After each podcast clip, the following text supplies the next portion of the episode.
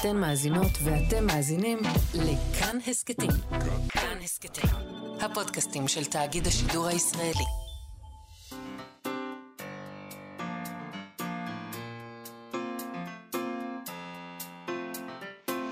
מה שכרוך עם יובל אביבי ומה יעשה לה. שלום, צהריים טובים, אנחנו מה שכרוך, מגזין הספרות היומי של כאן תרבות. כאן כל יום ב-12 בצהריים בשידור חי, אתם מאזינים לנו ב-104.9, או אולי ב-105.3 FM. אפשר גם להאזין לנו כהסכת באתר ובאפליקציה של כאן, ובכל יישומוני ההסכתים איתנו באולפן, טל ניסן על ההפקה, על הביצוע הטכני, יבגני לייזרוביץ', שלום לכם, שלום יובל. שלום מאיה. אומנם יש היום אה, הרבה מאוד ספרי שירה שמתפרסמים, ואני חושב שפחות או יותר כולם משוררים ומשוררות. ובכל זאת, בעיניי יש דבר מדהים בספר שמקבץ ביקורות שירה. זה כאילו איזו מלחמה כזאת בתחנת הרוח של חוסר המרכזיות של השירה בקיום שלנו בימינו. והנה גיא פרל לא מוותר, והוא עושה את זה, ולא בפעם הראשונה, אגב, עכשיו הוא עושה את זה עם הספר גופו של הלא נאמר. אנחנו ננסה להבין אותו, להבין איתו היום איך הוא עושה את זה. זאת אומרת, איך... זה, זה, הספר הזה הוא קובץ. זה לא בדיוק ביקורות, זה לא רשימות ביקורת, על שירה. רשימות על שירה. כן. שזה, שזה, נדמה לי שזה אפילו עוד יותר, כי הרי מה אנחנו רוצים? אנחנו רוצים מישהו שייתן ביקורת, שיגיד, זה טוב, זה לא טוב. ומישהו אומר... שיכסח, שיצחיק אותנו קצת. בדיוק. כן. ואם מישהו רוצה אומר, תקשיבו, קראתי את הספר הזה, והנה כמה מחשבות שיש לי עליו. זה, זה קהל, זה, אני לא יודע עד כמה קהל... מה זה משנה? מה זה נכון, משנה אם יש. קהל או אין קהל? זה נכון יש מאוד. עשרה אנשים שזה מעניין אותם, איזה יופי שזה ואפילו לא, אם לא, יש את הדבר הזה בעולם. אני מחכה גם, אה, אני חייבת לומר, גם לספר של יהודה ויזן עם הביקורות שלו. כן, זה יהיה מעניין זה ומצחיק. יהיה מעניין, אה. ושם אה, זה יהיה קצת שונה. שונה, שונה. כן, שונה מאוד. אנחנו ננסה להבין איתו גם את, ה, גם את המטרה הזאת. את, את, זה, זה, זה מין מלחמה כזאת. אה, להמשיך ולכתוב על שירה, ולהמשיך ולהתייחס אליה כאל מרכזית, ולהמשיך לראות מה היא גורמת לנו, ואיך, היא- וגם איך מתמודדים עם הלא נאמר. הוא מדבר על זה גם כן. זאת אומרת, איך מדברים על מה שאי אפשר לדבר עליו. שזה מה שהשירה עושה, שזה זה מה שהשירה. עושה. כן. נכון. אז uh, אנחנו נדבר איתו תכף, אנחנו נדבר גם עם צור שייזף שלנו בפינה שלו דרך ספר, שבה הוא מספר לנו על ספרי מסע. היום אנחנו מקווים להגיע להערה בשנגרילה, אבל יכול להיות שנסתפק בלדבר עליה. Uh, ונתחיל אבל עם הפינה שלנו, ועיקרן תחילה, שבה אנחנו נותנים לספרות להגיב על החדשות ועל ענייני היום. היום אנחנו עם המחאה, כמובן, uh, עם הידיעה על כך uh, שמיצג של קרנף מזהב הוצב, הוצב בסוף השבוע ברחבת מוזיאון תל אביב, כשלצידו אה, הגדרה למילה התקרנפות. הם שמו שם את ההגדרה. כך פורסם בוואלה. נכון. ההגדרה, כפי שכתבו שם בשלט שהונח ליד הקרנף המוזהב, היא התקרנפות, התבהמות, עדריות, אובדן תחושת המוסר והביקורת העצמית, והסתגלות מוחלטת לרצונות של הרודן. זה מה שהם כתבו בשלט שהונח על יד הקרנף. בשלט גדול שהונח מאחוריו, מאחורי המיצג הזה נכתב, עד כאן. מה זה אומר עד כאן? ספרותית. אני לא יודעת, אני... כי עד כאן זה מה שאתה תראה, אומר, בוא נגיד שכאן לך, כל הקיצים. הייתי בוחרת במילים אחרות, אם הייתי אני אחראית על הטקסט. עד כאן. מה, מה זה אומר? כי כאילו כבר... עד כאן תרבות? כמה, כמה פעמים אמרנו עד כאן, ואז המשכנו עוד קצת. עד כאן, זה לא, מס... זה לא קליט. לא. לא כל כך. אה, אולי, אולי אה, עד שם. עד שם. עד שם זה יכול לעבוד יותר טוב. אמ, אנחנו בכל מקרה, ברגע שאנחנו רואים את המילה הזאת, קרנפות, יש לנו דבר אחד בראש. חזרנו לרשימה של אלון גלעד בהארץ, הוא כתב שם על השימוש במילה התקרנפות, שצריך להגיד, זאת המצאה ישראלית. נכון, ליד- זה מרגש. מאוד מרגש. המצאה ישראלית. ליד הטפטפות והקיבוצים, גם המילה התקרנפות היא שלנו. אמ, הוא כתב שם שאחרי העלאת המחזה, הקרנפים. אה, נכון, צריך להגיד קרנפים. קרנפים. תקשיב, יובל, בוא נסכם כבר מעכשיו. אתה כן. תגיד קרנפים, בסדר? ואני אגיד קרנפים. אין שום לא בעיה. יכולה. אין שום בעיה. אני מת- מתנצלת בפני רות אלמגור, היועצת הלשונית. סליחה, רותי, אבל ו- אני אגיד קרנפים. כל פעם שאני, שאני אומר את זה, מתחוללות אצלי שתי תחושות אה, נו. מה, מה אתה מרגיש? ראשית, אני חש עילאי ומתנשא על כך שאני אומר את זה. נכון, קרנפים. אוקיי. שנית, אני מרגיש אידיוט, אה, שאני אומר קרנפים. אז בגלל זה אני אמשיך להגיד קרנפים. ענת מעדיפה לא להרגיש אידיוט, וזה נכון. כנראה אולי ההבדל זה ההבדל בינינו. מסתער לעבר תחושת האידיוטיות כל פעם שיש לי הוא מחבק אותה חזק. ממש מחבק אותה. בכל מקרה, את הקרנפים כתב איז'ן יונסקו, אה, וזה נורא הצליח בעולם, ואז ניסים אלוני תרגם את המחזה לעברית, וההצגה עלתה כאן ב-1962. אשר נהור, מבקר התיאטרון של ידיעות אחרונות, הוא שטבע את המילה להתקרנף. בביקורת שהוא כתב על ההצגה, הוא כתב כך: את, ההת... את ההתבהמות שמולידה ההיסטריה ההמונית של הנאציזם ממחישה מגפה. והמגפה היא שאחד-אחד הולכים התושבים ומתקרנפים. כלומר, נהפכים לבהמה שבראשה קרן אחת או שתיים. משם המילה הזאת התגלגלה, ומהר מאוד, זה בש... כאמור, זה ב-62, אנשים, אה, הזדרז... העיתונאים השתמשו, השתמשו בה כדי לתאר את ההיסחפות אחרי גל הלאומיות שפקד את הארץ בימים שלאחר מלחמת ששת הימים, כך כותב לנו אלון גלעד ברשימה הזאת. נכון. וזה לא קיים בשום מקום בעולם, לא משתמשים בפועל הזה להתקרנף. לא, כן, זה שלנו. והם מכירים את יונסקו, זה לא שהם לא מכירים, זה פשוט שלנו, ואני חושבת שזה יפה שהומצאה מילה כזאת בהשראת יונסקו. אה, המצאה ישראלית, כמו שאמרת, אה, כמו עגבניות שרי, כמו טפטפות, התקרנפות, זה יפה, אני אוהבת. גיליתי שלעגבניות השרי האלה קראו money makers. את יודעת את זה? לא. money makers. קראו להם ככה, זאת אומרת, זה בישראל. השם שנתנו להם, כן. או זה השם אני לא בין זה- החבר'ה שגידלו אותם, אה, וואו, אני שעשו לא. ערימות של כסף? אני לא יודע, אבל אה. זה היה כינוי מקובל. היה אוקיי. איזו תקופה בארץ, כשאמרת money makers, ידעו שאתה מתכוון לעגבניות שרי האלה, שהמצאנו. לא, לא ידעתי את זה. כי מעדיפה- עוד- כי זה היה התפוזים החדש או משהו כזה, לא יודע. כן, כן, זה היה זה היה- עניין. זה היה מטבע זה עובר. לסוחר היו כזה. כתבות בחדשות, איזה- העגבניות. איזה... אומה איזה- נהדרת. אה, טל ניסן אומרת לנו, היה על זה דיון בכנסת. אני חושב שבאמת... אה, אני חושבת שגם היה איזה דיון בזינוק לאתמול. בזינוק לאתמול, כן, נכון, נכון. יכול להיות נכון. שאפילו אני נכחתי בו, אבל אני לא זוכרת. אמ, אבל אה, זה נורא נחמד, אומה חמודה. אומה מתוקה, מתוקה מתוקה. שבה לעגבניות שרי קוראים makers, מהמם. ונגיד באומות אחרות זה מטילי זהב, או אני לא יודע, אנחנו כזה, תראו את ה money makers שלנו, באמת אומה חמודה. כן, טפטפות ושרי, אבל זה עבר כבר, עבר לנו הקטע לא עבר. אנחנו עדיין חמודים. טוב, אנחנו נקרא עכשיו מתוך הקרנפים של אונסקו, אה, בתרגום אחר, לא, ש... לא התרגום של ניסים אלוני, תרגום של חיה ומיכאל אדם, שהתפרסם ב-84 בהוצאת אורעם. נעשה דיאלוג. סוג של אה, דיאלוג, יש פה יותר משתי דמויות. יש יותר משתי דמויות. אה, זה קבוצת אנשים, שאנחנו במערכה השנייה, אבל במערכה הראשונה, קבוצת אנשים יושבת ביחד. הם- הם שואלים את עצמם האם זה פייק ניוז או לא. הם, הם, כשהם יושבים ביחד במערכה הראשונה, הם מתחילים לשמוע קול שעטה של חיה, ואז הם, הם רואים קרנף. אה, והקרנף גם דורס את החתול של איזה אישה, אז יש, הוא, הוא, הוא עושה מעשה בעולם. ואחר כך יש עוד קרנף פתאום, ומתחיל מתחיל דיון איזה קרנף זה, האם זה אותו אחד או אם יש שניים. אה, ופה בא הבן אדם הזה, שקוראים לו בוטר, בוטר, ואומר, אני אתחיל, בבקשה. הכל סיפורי סבתא. ראיתי אותו, ראיתי את הקרנף. כתוב בעיתון, שחור על גבי לבן, אתה לא יכול להתכחש לזה. נו. זה כתוב הרי, זה כתוב. הנה, בטור של החתולים הנרמסים. קרא את המאמר בבקשה, אדוני המנהל. אור ליום אתמול, יום א', בכיכר הכנסייה שבעירנו, בשעת לגימת האפרטיף, החתול נרמס ונמעך למוות על ידי יונק עבה אור.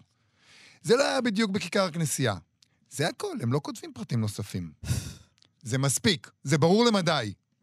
אני לא מאמין לעיתונאים. כל העיתונאים שקרנים. אני מכיר את טיבם. אני מאמין רק למה שאני רואה במו עיניי. בתור מורה בדימוס, אני אוהב דברים לאשורם, דברים מדויקים, שהוכחו באופן מדעי. מהלך המחשבה שלי שיטתי ומדוקדק. מה לעניין הזה הוא למהלך מחשבה שיטתי ומדוד... ומדוקדק?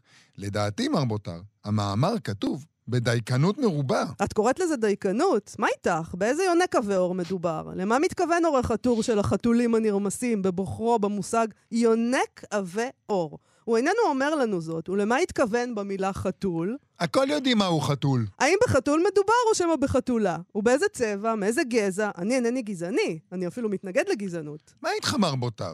הרי לא בזה העניין. מה לזה ולגזענות? סלח לי מאוד, אדוני המנהל, לא תוכל להכחיש כי הגזענות היא אחת מטעויות היסוד של המאה.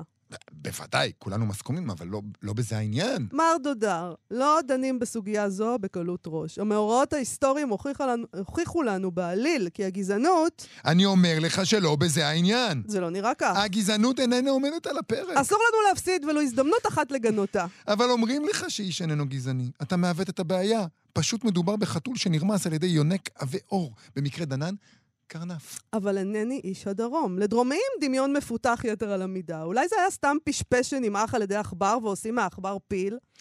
הבה ננסה למקד את הבעיה. אתה טוען אפוא שראית במו עיניך את הקרנף מטייל להנאתו בחוצות העיר.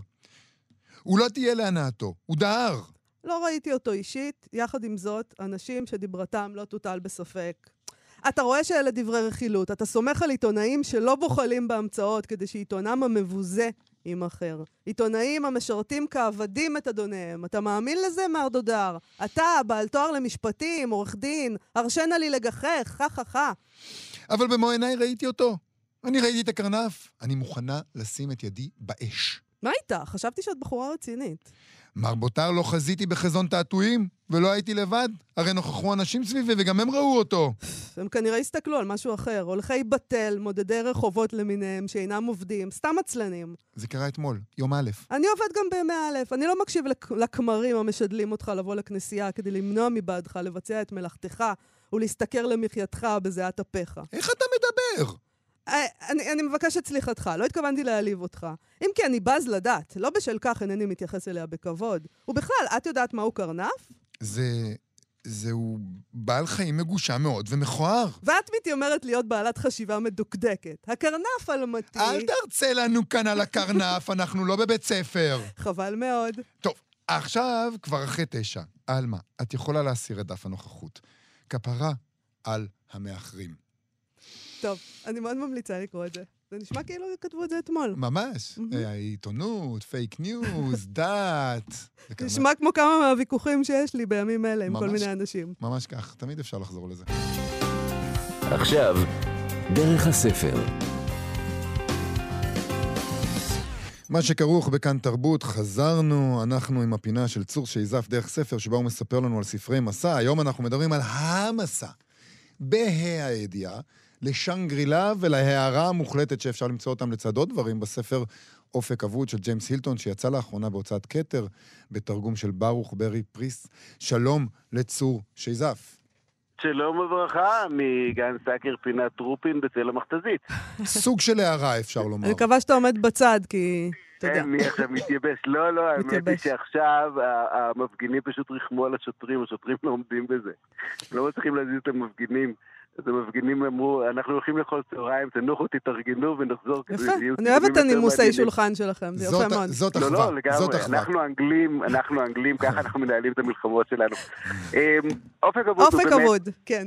אחד הספרים הנפלאים ביותר. אני אוהב אותו, אני אוהב אותו נורא.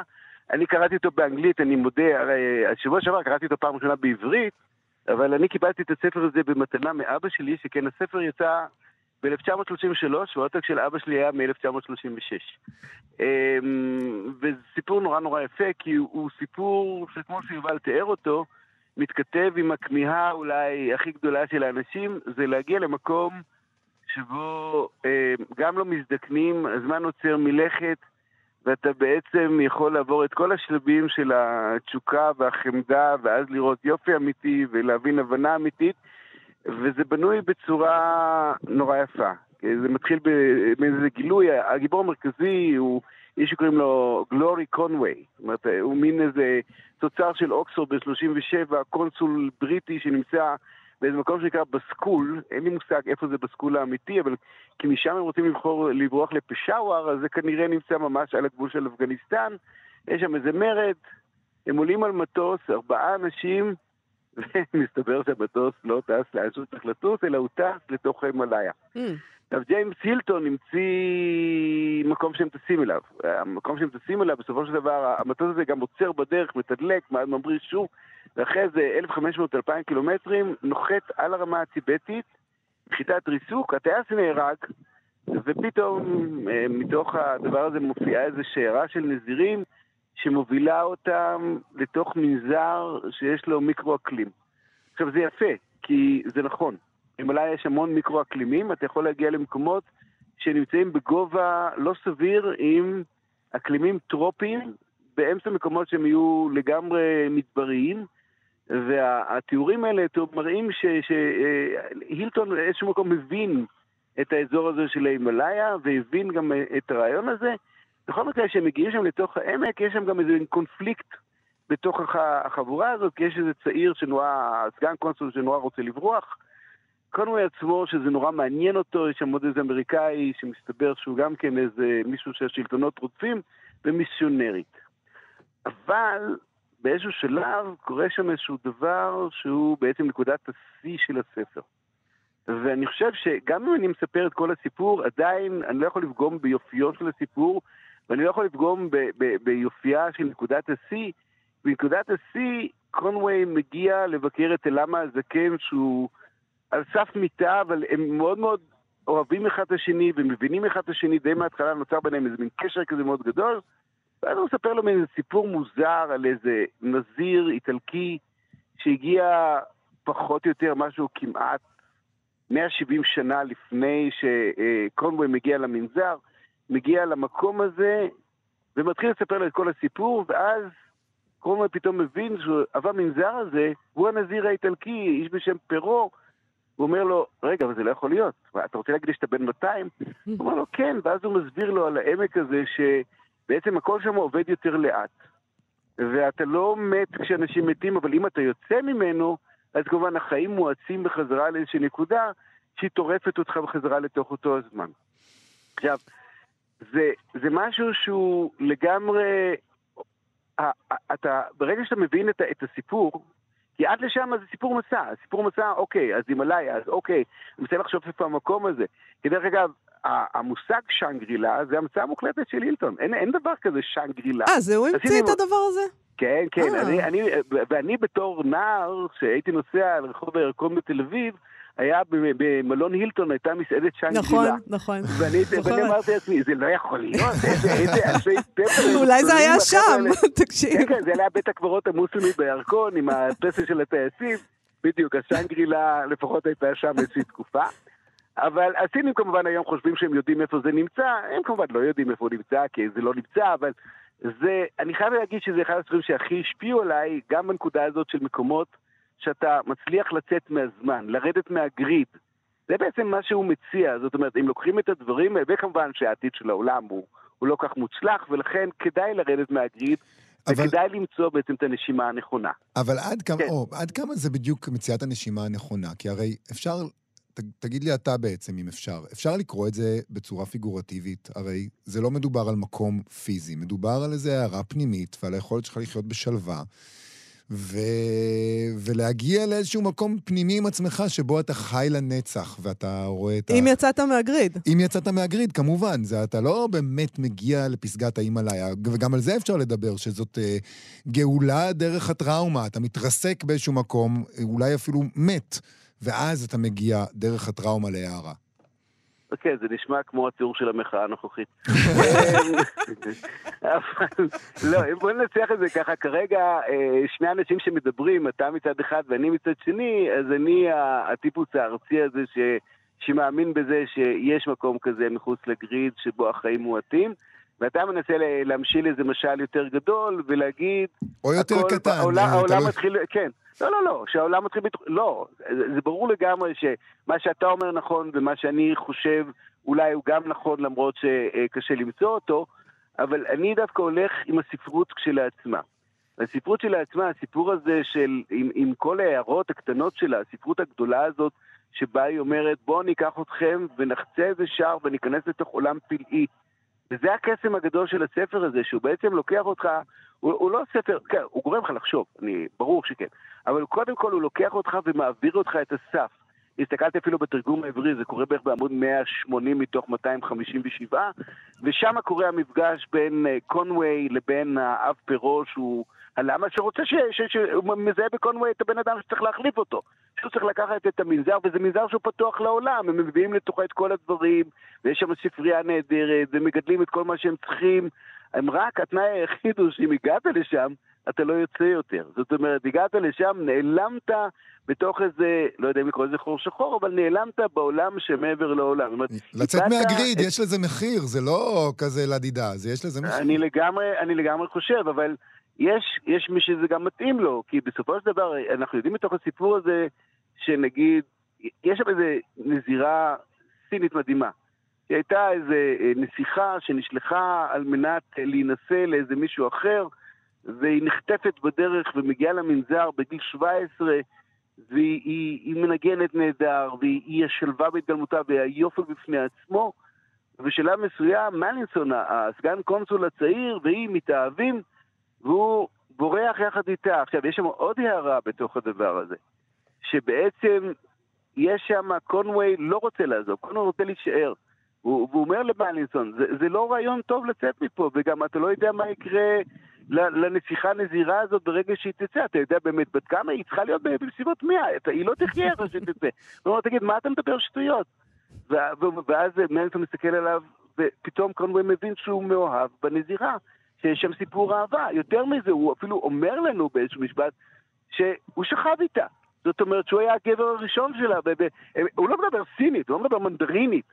אבל אה, מלינסון והנזירה מתאהבים, וקונווי נכנע אה, לסיפור האהבה הזה, כי מלינסון לא מסוגל לברוח מהמקום, כי יש שם איזה מין מעבר הכרחי שהוא נורא מסוכן ונורא תלול, וקונווי חייב להוביל אותו, וקונווי בעצם מתנדב להוביל אותו החוצה בשם האהבה, והאהבה היא אהבה קטלנית כמובן. כי הנזירה איכשהו מצליחה, מלינסון נעלם לנו מהתמונה לגמרי, אבל קונווי מגיע חולה לגמרי, הנזירה איכשהו מביאה אותו לאיזה בית חולים של נזירות באזור של צ'ונצ'ינג, והיא מתה.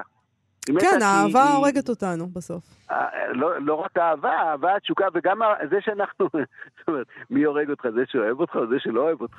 שזה גם שאלה טובה. שאלה טובה. מלא בשאלות טובות. כן, כן, לא, אבל והוא ספר נורא נורא יפה. אני רוצה להגיד עוד משהו, אם יש לי עוד איזה 30 שניות. יש. וזה על הנושא של התרגום. אמ, אני, אין, אין לי הרבה דברים להגיד על התרגום, התרגום הוא בסדר. עכשיו, הספר נכתב באנגלית ארכאית לפני מאה שנה, באנגלית המאוד מאוד מתורבתת. אתה מתרגם ספר ב- שיוצא ב-2023, תרגם אותו לעברית. מה אתה מתרגם אותו אה, לאנגלית, אה, אה, זה מאנגלית אה, ישנה לאנגלית אה, ישנה? זאת אומרת, מה הרעיון הזה בכלל? זאת, זאת הערה לגמרי, כי בלי שום קשר לדברים האלה, בסופו של דבר זה הרי, זאת הערה למתרגם ולעורך התרגום. אבל אני, אני חושב שבלי שום קשר, הספר הזה הוא כל כך יפה, שבאמת, תענוג ענק, וכמו שאמרת שם, כמו שהיה נוהג להגיד אה, ידידי דן דאור, שכבר שמעתם את שמו כמה פעמים, שכל פעם שהייתי הולך לקרוא או לראות איזה סרט שהוא, ש, שהוא ראה ואני לא ראיתי או לא קראתי, היה אומר לי איש מאושר. אז אני מקווה שיש הרבה אנשים מאושרים שמקשיבים לשיחה הזאת. ושהם ילכו ויקראו את הספר היפה הזה. תגיד, אם אני אקרא את הספר הזה, תהיה לי הערה בסוף, או אני אקום ואעזוב הכל ואלך? כן, לי. לך? לי. לך תהיה הערה, בערך כמו שלי יש הערה. את נורא תרצי למצוא את המקום הזה, ואת תגידי, אני הולכת למצוא אותו. אבל האם תהיה לך הערה כשתהיה בתוך המקום הזה? לא, יהיה לך שרשרת של תענוגות בלתי צפויים בעיקר. זה גם לא, לא מעט. לא מעט לא בכלל. לא מעט בכלל. אופק אבוד של ג'יימס הילטון, צור שיזף, דרך הספר, תודה רבה לך על הפינה הזאת. תשמור על עצמך, בסדר? בטח, בטח, הולך למכתזית להתקלח. להתראות. תודה רבה, להתראות. ביי.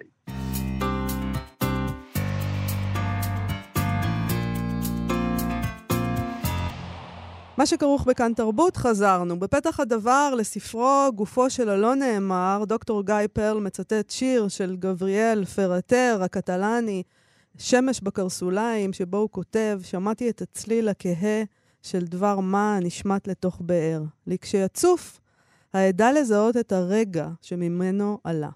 הוא כותב על הרגע החמקמק הזה שהמשורר מבקש לזהות אותו. גם אני כמשורר מנסה לומר משהו על הרגע הזה, אך ככותב על שירה, נדונתי מראש לכישלון. ככותב על שירה אני מקבל את כישלוני בהשלמה, ואיני מבקש אלא להתקרב אל פי הבאר, לרקון פנימה, להושיט את ידי. יש תמיד uh, מרחק בין הרגעים האלה ליכולת שלנו לזהות אותם, ובטח uh, מהיכולת שלנו לנסח אותם ולהסביר למה, מדוע הם כפי שהם, ובכל זאת בספר הזה יש אוסף של הניסיונות של גיא פרל לעשות את זה. ברשימות רבות שלו על ספרי שירה שונים, ולפעמים, אגב, על שיר אחד. Mm-hmm. לא על, זה לא על ספר נכון. בהכרח. הוא בוחר שיר שהוא אהב כנראה, או שעשה לו משהו, שזה דבר די מיוחד. יש, אולי אפילו יש שיגידו תמוה. אתה למשל, יובל, כן. חושב שזה תמוה? יש בזה משהו אה, תמוה. כן, מתפרסמים אה, כאן אה, אין סוף ספרי שירה. Uh, ובכל זאת, להוציא ספר שמקבץ uh, רשימות עליהם, זה, זה נראה כמו משהו חתרני, אולי אפילו נועז. נועז. נועז. דוקטור גיא פרל הוא משורר, מבקר שירה. הוא גם אנליטיקאי אונגיאני ועובד סוציאלי, וזה חשוב, כי זה נמצא פה, בהחלט. כל הסמלים היונגיאניים. זה הספר החמישי שלו, אחרי ספרי השירה יש נקודה מעל הראש שלך ומערה. והוא כבר כתב, הוא כבר פרסם ספרי רשימות כאלה על שירה, לשאת את הנפש במהופך, רשימות על שירה והדבורים של הבלתי נראה אל שפת השירה בעקבות יונג ונוימן. שלום גיא פרל. שלום שלום, צהריים טובים. צהריים טובים לך. אתה, האם אתה מסכים איתנו שיש משהו עקשני ואפילו חתרני בפרסום של רשימות כאלה על שירה, לפעמים על שיר אחד מתוך ספר? יש, מי, מי יקרא את כל זה? חוץ מאיתנו, אה, כמובן. אה, כן, הקשבתי לה- הקשבתי לפתיח. אני לא מרגיש חתרני בכלל, ולא מהפכני בכלל, ועכשיו... אה, וטבעי לטעות, אבל אה, אני רוצה לקבל את החתרני הזה כמחמאה. עכשיו, לגבי השאלה מי יקרא, כן. אה, אני לא בדיוק יודע, אבל אני יודע שאנשים קוראים את הרשימות שלי ומתייחסים, זה פידבקים שאני מקבל. הם מתייחסים הרבה פעמים לרשימות שלי ולכתיבה שלי על שירה כאל משהו שמתווך. גם אנשים שאוהבים שירה ולא תמיד יודעים להסביר למה, ולא תמיד ברור להם כמה, אה, יש משהו בכתיבה שלי שמקרב את השירה אליהם, בייחוד את המרחבים הנפשיים של השירה, אז אני יודע שאנשים קוראים, אנשים קוראים ויקראו את הספר הזה, ולא מעט קראו את הספר, שני הספרים הקודמים. אבל אני לא עושה את זה ממקום של אה, חתרנות. למה אני- אתה עושה את זה? אתה ראי... אני התרשמתי כשקראתי את זה, שאתה פשוט אה, קורא שיר, ונגיד שהוא אמר לך משהו, או שאהבת אותו, ואתה כותב בשביל עצמך. אחר כך אתה מפרסם את זה, אבל כדי להבין זה- משהו אולי. מחמאה נפלאה, אין לי מה להוסיף. אני בראש ובראשונה, לא באמת, אני בראש ובראשונה, כשאני קורא ספר או קורא שיר, ופתאום אני מבין משהו, מבין משהו על נפשי, על נפשה של המשוררת, מבין מה, מה נוצר פה בעולם, הדרך הכי טובה שלי עבורי היא לא לאבד את זה ולכתוב את זה. זה קשור, זה קשור גם. לציטוט הזה בפתח הדבר, אני חושב. כי, כי יש כל מיני רמות של אה, מופשטות, נקרא לזה. בשיר זה רמה די גבוהה של מופשטות, ואחר כך אתה צריך לכתוב עליו משהו. כשאתה מבין את הדבר הזה, זה רמה אחרת של מופשטות, אולי קצת יותר נמוכה, ואז אתה רוצה לנסח את זה במילים, ואז זה לגמרי מתפרק בדרך כלל, כי אתה מעביר את זה למקום הרבה יותר מדי קונקרטי. ויש איזה משחק אצלך כזה, איך, זה קשור לרגע הזה. הרגע הזה שאתה מזהה אותו, והוא נמצא בשיר, ופתאום אתה מבין משהו על המשוררת, על הנפש שלה, ואתה מבין משהו על עצמך, אבל זה שהבנת את זה, זה לא אומר שאתה יכול לכתוב את זה ולהסביר את זה, ו... ו- נראה שאתה, הרבה פעמים אתה בוחר ללכת לרמת המופשטות של השיר יותר מאשר לרמת המופשטות של השפה הקונקרטית. תראה, זה חומר נורא שביר. שירה זה חומר שביר, שאם נחשוף אותו יותר מדי אה, לאור ונטלטל אותו יותר מדי ונאמר עליו יותר מדי דברים חכמים, אז הוא אכן יתאדה ויישבר ויתפוגג. אז אני מאוד מסכים איתך שבכתיבה שלי אני משתדל לא לשבור, אני משתדל להישאר פיוטי, וזה שאני בעצמי כותב שירה אולי עוזר לי לעשות את זה. אני משתדל לא, אה, בוא נגיד, אה, לטחון, לקצוץ את זה ולהכניס את זה לתבניות. מצד אחד. מצד שני, אני משתדל לומר דברים בהירים, זאת אומרת, הכתיבה שלי היא לא אה, מופשטת. אבל אני עובד עם המתח הזה, אני מסכים איתך. לומר דברים פשוטים מדי, קצוצים מדי, אה, יהרוג את השירה. מסכים. כי, כי, כי מה, שאתה, מה שקורה הרבה פעמים, ואתה מתייחס לזה בספר, זה, ו, וכאן גם שמו, יש את הדבר הזה שבלתי ניתן להיאמר. אה, נגיד, זה יכול להיות בגלל טראומה, יש, אה, יש אה, עיסוקים אה, במה שלא ניתן להגיד בגלל שהוא טראומטי, אבל גם זה גם בגלל הפער הבלתי ניתן לגישור בין החוויה לשפה. בשני הדברים האלה אתה מתעסק ב, ב, בשערים שונים של הספר. ו- כן. ובעצם זו משימה בלתי אפשרית, ל- לדבר על הדבר שלא ניתן לדבר עליו. זה, זה בעצם, באיזשהו אופן אתה אומר, זה מה שהשירה עושה. אה, זה, זה מה שהיא עושה, וזה מה שהיא אה, אה, רוצה לעשות, ונגזר עליה, כפי שנגזר על כולנו, לא להצליח לגמרי אף פעם.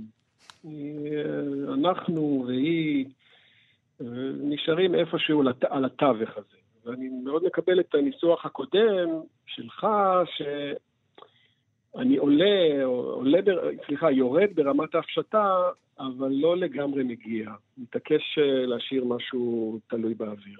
ואכן, בכל אחד מחמשת השערים יש, יש ריכוז של רשימות שעוסק במשהו שאי אפשר לדבר עליו כל פעם מסיבה אחרת. בין אם אי אפשר לדבר עליו משום שזה טראומטי, והטראומה היא לא ניתנת להכלה בשפה הרגילה, ובין אם אי אפשר לדבר עליו משום שחוויות אה, מורכבות, רגשיות, אה, שלא עברו, שוב, קידוד לשפה, ובין אם אי אפשר לדבר עליו משום שזה עניינים שהם כבר קרובים לרוח ולאמונה.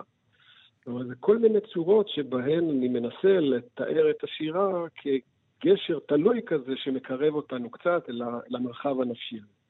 איך העובדה שאתה אנליטיקאי יונגיאני, אה, זה נוכח מאוד בספר, אבל מי שלא קרא אותו, איך, איך היא באה לידי ביטוי ב, ב, ביחס שלך לשירה, בכתיבה שלך?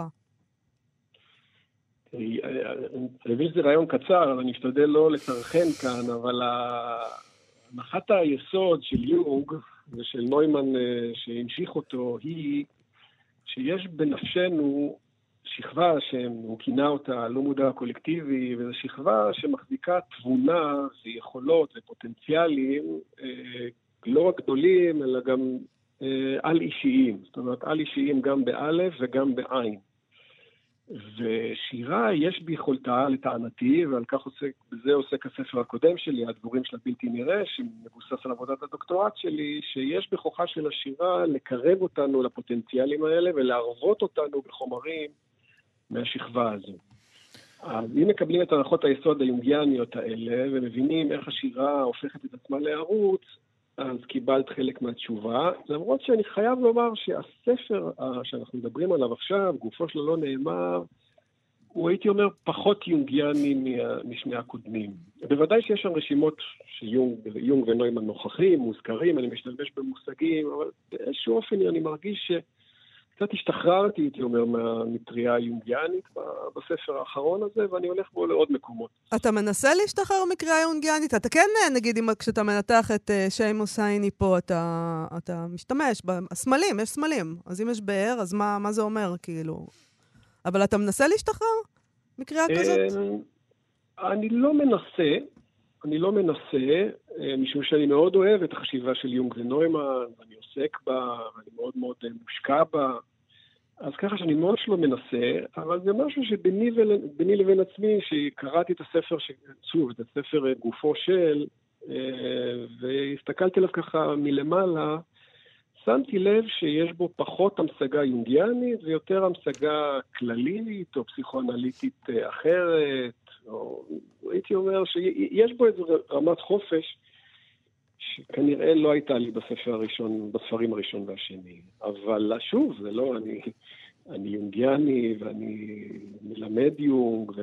אתה לא מתכחש עכשיו, פשוט חשבתי לעצמי. לא, לא, חס... לא, לא, לא מתכחש. יש לנו, זה, קשור לוויכוח התמידי שלנו לגבי הפיגורות, והאם הדבר הוא הדבר כשלעצמו, או שהוא סמל, ואנחנו תמיד מתווכחים על זה. וגיא אומר שזה סמל. זהו, פעם ראשונה אני אומרת, לפעמים סיגר הוא באמת רק סיגר. אבל לפעמים הוא פיגורה. רגע, אז אני, אני יכול להציע לכם הצעת פשרה. בבקשה. אנא, אנא, אנא. כן. כן, זה ימים של פשרה, אין ספק. אנחנו לא יודעים, אבל אה, אני אומר ברוח, אה, הוא גם וגם. אנחנו חיים בעולם מרובד, רב-שכבתי. כן, סליחה, כן. לא, לא, תגיד אתה, אתה... לא, לא, שזה גם וגם. זה מתחיל, לפעמים הסיגר הוא סיגר, ומישהו עישן סיגר והיה ריח של סיגר וכו' וכו' וכו', אבל כשמסתכלים על הסיגר הזה במבט פואטי, או כותבים אותו בשיר, זכותנו כקוראים, כמפ... כמפרשים, להתייחס גם לסימבוליקה של הסיגר. זה לא אומר שלא היה סיגר, זה רק אומר שהוא סוחב אחריו שובל ארוך של משמעויות סימבוליות. זה נכון, אני לא חושבת שזה לא זכותנו כקוראים. הטענה שלי, כשאני מתווכחת על זה עם יובל כל יום בערך, זה, היא כן. אומרת שאתם הורסים לעצמכם את הדבר עצמו. כלומר, אה, הבאר, אם היא כל הזמן רק סמל של באר ולא הבאר עצמה, אז אתם בעצם... הרסתם את השיר. לעצמכם, כמובן, אני, אני מסתדרת. כי מאבדים את התחושה ואת הריח המאוד מסוים של באר תחובה עם ה... כן, זה הדבר עצמו ש... שאפשר לגעת בו, שאתה אומר באר, אני ממש, יש לי איזה זיכרון של באר, ואת המגע הזאת של האבן הקרה, וכל הדבר הזה. ועכשיו אתם מתחילים לדבר על סמלים. רגע, שנייה, תנו לי רגע לנגוס בפרוסת הלחם הזאת, שזה פשוט לחם, וזהו. אז אני ממש מסכים איתך. אם הדבר הראשון שעולה לך זה באר מסוימת, ש... גדלת אה, לידה או שפגשת בטיולייך, תישארי איתה. זה נפלא, זאת הבאר הראשונה בשיר. אחר כך, בקריאה שנייה-שלישית, אם תרצי, יש סיכוי שיעלו עוד בארות סימבוליות. עכשיו, דרך אגב, לפעמים הוויכוח הזה הוא מוכרע על ידי השיר עצמו. נכון. נכון. אה, שזה גם צריך לזכור, אבל אני לגמרי בעד הקונקרטי. אני באופן כללי אדם די קונקרטי, שעושה מאמצים לפעמים אה, לחרוג, אבל אני... אני אספר לכם, אני אספר לכם אנקדוטה שיש קורס שעוסק ב... אה, בואו נגיד, בואו נגיד קריאה, קריאה וכתיבה ברוח יונגיאנית, קורס שהעברתי בכל מיני מקומות, במקום לשירה ובמקומות אחרים, ואחד התרגילים הראשונים שהייתי נותן, בקורס הזה היה קורס של אה, לעשות דמיון מודרך, להעלות בדעתנו איזשהו אה, באר, איזושהי באר, ועל בסיס החוויות האלה והדימויים שעולים בדמיון המודרך הזה, לכתוב שיר. עכשיו, בפעם הראשונה שנתתי את התרגיל הזה, וזה היה במקום לשירה, בכיתה ירושלמית, התלוננו התלמידות, ובצדק, ואמרו, אנחנו בחיים לא, אנחנו לא יודעים מה זה באר, מי אה. ראה פה באר? אה, אנחנו ירושלמיות, אנחנו קוראים בורות מים, ואנחנו קוראים מעיינות. אז, אז מותר לעבור לבורות מים ומעיינות, כי זאת, כי זאת החוויה שלנו. ו, ובוודאי שהתשובה שלי היא כן, כי אם יש חוויה קונקרטית, אה, מעניינת, של גירוי נפשי, שהתאפשר כתוצאה מבור מים ירושלמי, או מעיין בהרי ירושלים, או נהר הירקון אה, בתל אביב, שלא לדבר על אה, חוף אה, גורדון, נפלא, תתחילו משם, בקונקרטי הזה, אבל אני מניח שבתהליך של היצירה תעלנה עוד ועוד שכבות שהן אה, מגורות על ידי הסמל הזה של מקור מים, אז זה כבר הולך למקומות אחרים. אז גם, גם היה, גם הבאר הזאת, הזיכרון הזה של הבאר, הקונקרטית, ההיא הראשונה, היא סימבולית. הבנת היא עכשיו? סימבולית. הכל אצלו סימבולי. אה, את כן, אומרת לעצמך. הזיכרונות שלי הם קונקרטיים. הבנת את הבעיה? אבל זה כבר, אנחנו נבוא אליך לטיפול. הזיכרון הוא כביכול דבר מקובע וקונקרטי. לא, הזיכרון הוא סימבולי. אני, יש לנו בכלל בעיות, כי אני, יש לי בעיה... ושמעת איזה אה, סימן קריאה יש בסוף הדברים שלו. אני, לא, יש לנו אני סימבולית. יש לנו עוד, אני, וזו המטרה שלי, לגרור אותך לתוך הסימבוליקה. יש לנו עוד לא יותר בעיה. עם זה, כי אני, יש לי בעיה עם uh, תת-מודע קולקטיבי של יונג, עם זה ממש יש לי בעיה. אז אנחנו, אף אחד מאיתנו לא יצליח אני דווקא להסכים. את התת-מודע הקולקטיבי אבל- אוהבת מאוד. אני חייבת זה היה להגיד. די צפוי. אה, אבל את כל הדברים האלה ועוד אפשר למצוא בגופו של הלא נאמר. יש לי תחושה שנזמין אותך יום אחד אה, לאיזה שעה ככה, נכון, כדי שנברר. את העניין הזה עד תומו, כי לא הצלחנו עד הסוף לרדת פה. אבל יש לנו עוד הזדמנויות. גיא פרל, גופו של הלא נאמר, תודה רבה על השיחה הזאת. תודה רבה לשניכם, נהניתי מאוד. תודה, להתראות. להתראות.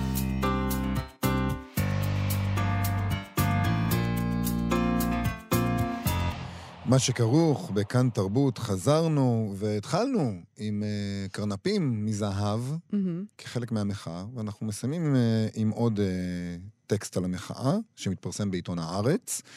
זה טקסט של הסופר דוד גרוסמן, שממשיך להיות הקול הזה של הסופרים. הצופה לבית ישראל. הצופה לבית ישראל, למרות שיש לו כבר מתחרים, היו לו קצת מתחרים. מי? אשכול נבו כתב טקסטים אה, אבל תמיד שהתפרסמו. מחכים, חיכינו לעמוס עוז, חיכינו לאלף בית יהושע, עכשיו אנחנו מחכים לגרוסמן. את מחכה לגרוסמן בכל מצב כזה? אנשים, יש אנשים כאלה שמחכים לגרוסמן. כן. אפשר סטיקר לשים, ישראל מחכה לגרוסמן. כן. בכל מקרה, אני הסופ- חושבת, תראה, גרוסמן ממעט להתבטא. נכון, אה, זכותו, הוא בן אדם אה, שיכול לעשות מה שהוא רוצה. נכון. אנחנו חיים בדמוקרטיה. אבל בעיניי זה קצת מוזר, שהיה צריך לחכות לו כל כך הרבה זמן. רציתי לומר. אבל לזכותו ייאמר שכשהוא מגיע, אז הוא מה שנקרא... הוא דרמטי. guns blazing, כאילו... כן. הוא לא יודעת אם. זה לזכותו, אבל כן, הוא דרמטי. כן. אה, לא, הוא אה, א', הוא דרמטי, אבל הוא גם אומר דברים אה, חמורים. תכף נקרא אותם. בואי נקרא אותם. בבקשה, יובל. הוא מתחיל בהתפעמות, האמת. הוא התפעם מול הנחיל הצעדה של מתנגדי הממשלה לירושלים, הוא מאוד התפעם, וככה הוא כותב. הרבה רגעים מפעימים היו בימים ובלילות האחרונים בצעדה בדרך לירושלים. אחד מהם היה בשבת בבוקר, כאשר נחשול אנושי כביר מנופף באלפי דגלי כחול לבן, גלש לאיתו מראש ההר באזור שורש, ופגש באלה שחיכו לו בגשר חמד.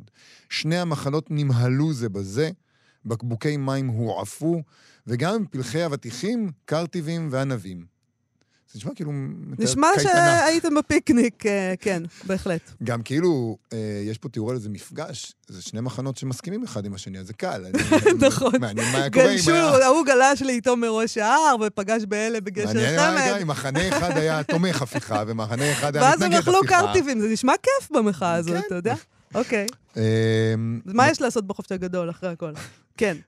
מה שהוא כותב על זה, הייתה כאן הבנה נדירה, וזה אפשר להבין, אחרי הבדיחות על הקייטנה, הייתה הבנה נדירה שכל אחד מאיתנו עשוי מאנשים רבים שנמצאים כאן, הוא כותב, שממשיכים את דרכם יחד במעלה הקסטל בחום של 37 מעלות, בהתעלות נפש, לא פחות. והוא ממשיך. עם ישראל ידע פילוגים וקריאות, צדוקים ופרושים, חסידים ומתנגדים ועוד ועוד, אבל מה שקורה כאן בחודשים האחרונים אינו נמצא כבר על הרצף הזה. מתחולל פה מהלך שעוד אין מילים לתארו. לכן הוא כל כך מפחיד. אפשר שבעתיד הוא יסתבר כתחילתו של תהליך שיפורר, ואולי יפתור את הנקודות המאובנות והמסוכנות של החברה.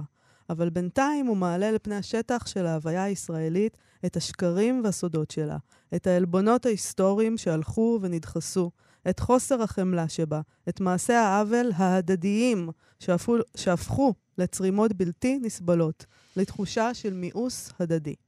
וזה דבר אה, שאפשר להגיד עליו שיש בו משהו טוב. אה, זה כמו איזה ליל סדר כזה, נכון?